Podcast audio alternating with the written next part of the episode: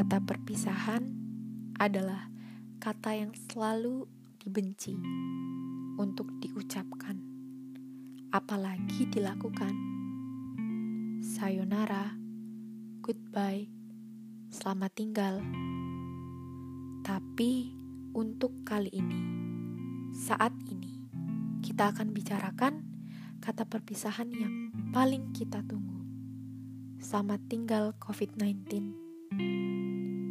Semoga tidak hanya kita jadikan angan-angan impian belaka, tapi bisa cepat kita realisasikan. Amin. Amin paling serius. Hai, aku Vita. Welcome and enjoy listen this podcast. Kepada seluruh rakyat Indonesia, saya minta tetap tenang, tidak panik, tetap produktif dengan meningkatkan kewaspadaan agar penyebaran COVID-19 ini bisa kita hambat dan kita stop. Untuk itu saya tekankan beberapa hal. Nomor satu, virus corona bukan virus yang bisa diremehkan. Ini virus berbahaya dengan tingkat penularan sangat cepat. Kedua, walaupun kita tidak punya gejala-gejala, tapi kita masih saja bisa menjadi carrier dan menularkannya kepada orang-orang dengan kondisi kesehatan yang kurang memadai. Ingat, setiap kali kita keluar rumah, kita bisa mengancam nyawa orang lain.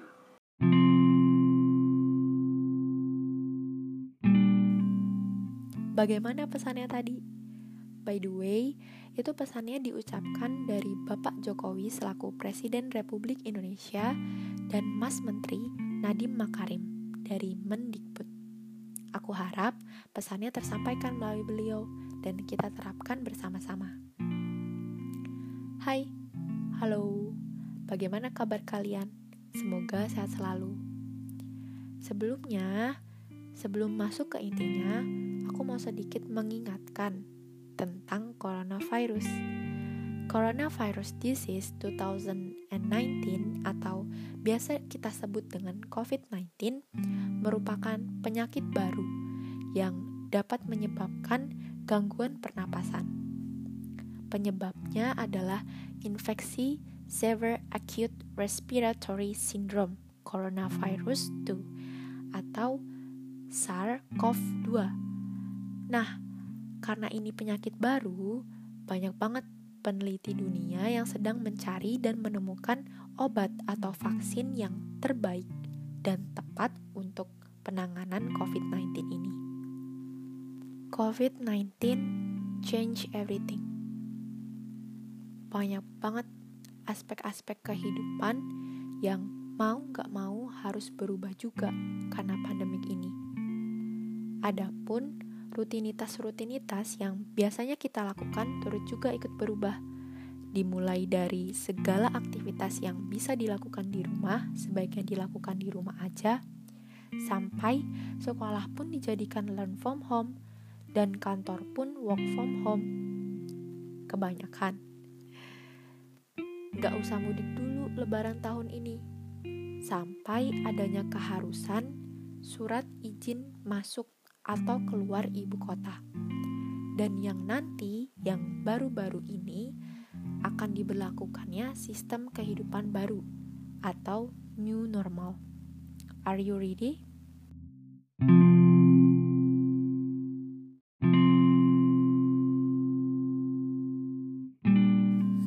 By the way, pasti kalian bosan ada di rumah aja. Apa senang? Karena di tahun 2019 akhir sampai 2020 awal, aku banyak banget menemukan manusia-manusia yang sambat di media sosialnya, berkeluh kesah gitu. Ngakunya sih jadi kaum rebahan. Atau memang kaum rebahan? nah, inilah saatnya kaum rebahan berikan perubahan. Tahu nggak sih, dengan di rumah aja dan mematuhi aturan pemerintah, kita udah jadi pahlawan loh. Pahlawan dalam memutus penyebaran COVID-19 ini. Gampang banget kan? Seriously, ini gampang pakai banget. Kapan lagi jadi pahlawan yang syaratnya cuma cukup di rumah aja? Teman-teman, aku tahu kalian pasti bosen cuma di rumah aja. I know what you feel, karena aku juga sama merasakan. Tapi kalau dipikir melalui logika kembali, sebaiknya kita bersabar dulu untuk beberapa waktu daripada pandemik ini gak selesai-selesai dan gak ada ujungnya. Dan juga kasusnya terus bertambah setiap harinya. Dan nantinya dapat berakibat terhadap tenaga kesehatan yang dalam hal ini menjadi garda paling terdepan dalam penanganan COVID-19 ini. Informasi pertanggal 31 Mei 2020 pemerintah mengumumkan Indonesia ketambahan pasien terkonfirmasi positif sebanyak kurang lebih 700 orang yang terkonfirmasi. So, kasusnya sekarang menjadi sejumlah 26.473 yang terkonfirmasi positif dan kasus meninggal sejumlah 1.613 kasus dan yang sembuh sejumlah 7.308 kasus. Sangat memprihatinkan sekali bukan apabila setiap harinya hampir seribu orang yang terkonfirmasi positif COVID-19 ini. Memang, setiap orang uh, memiliki sistem imun yang berbeda-beda dan apabila orang tersebut terjangkit COVID-19, mungkin saja mendapatkan gejala yang berbeda-beda, dimulai dari gejala yang paling ringan sampai yang terberat. Dan kalau misalnya kita ambil permisalan yang terburuknya, kebanyakan orang terinfeksi dengan gejala yang berat. Otomatis mereka nggak bisa diisolasi dan dirawat cukup di rumah aja.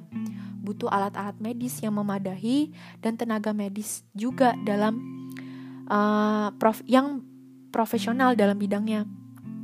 Nah, iya kalau pasiennya cuma 1 sampai 2 orang, mungkin tenaga medisnya juga is so easy menangani menanganinya Nah, kalau sampai puluhan orang, ratusan, bahkan sampai ribuan perharinya di setiap daerahnya gimana?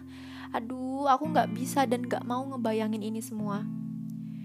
Memang sih kita semua nggak bisa dan cukup di rumah aja. Karena ada beberapa hal yang pasti kita dibutuhkan dan hal tersebut itu di luar rumah. Kayak keperluan hidup pokok, pangan, sandang, dan juga keperluan-keperluan mendesak yang mengharuskan kita untuk keluar rumah. Ya mem memang sih kalau kita harus keluar rumah, tetap patuhi dan lakukan protokol-protokol yang sesuai. Gini aja deh simpelnya, gak usah keluar rumah kalau gak ada urusan yang penting-penting banget.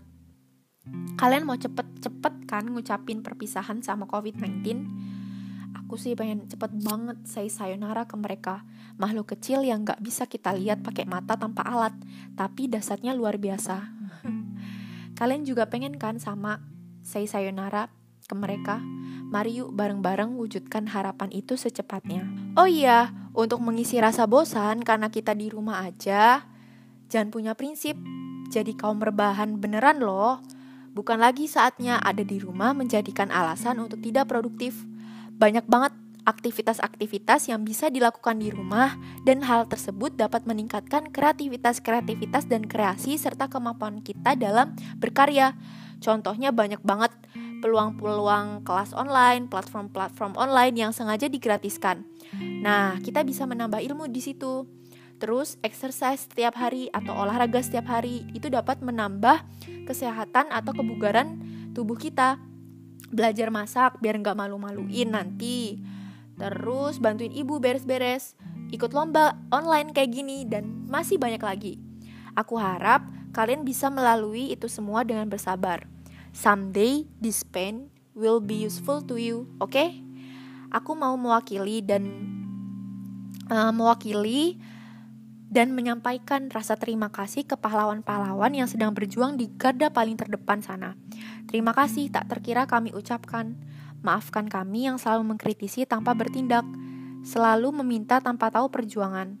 Semoga lelah kalian akan jadi lilah secepatnya. Sehat selalu. Terima kasih juga kalian yang sampai hari ini dan detik-detik ini stay at home. Kalian pahlawan.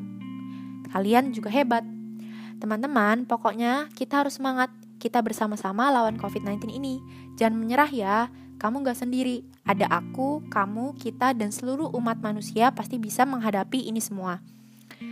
Terima kasih telah mendengarkan podcast ini. Semoga kita cepat mengucapkan sayonara ke COVID-19. See you, sampai berjumpa kembali.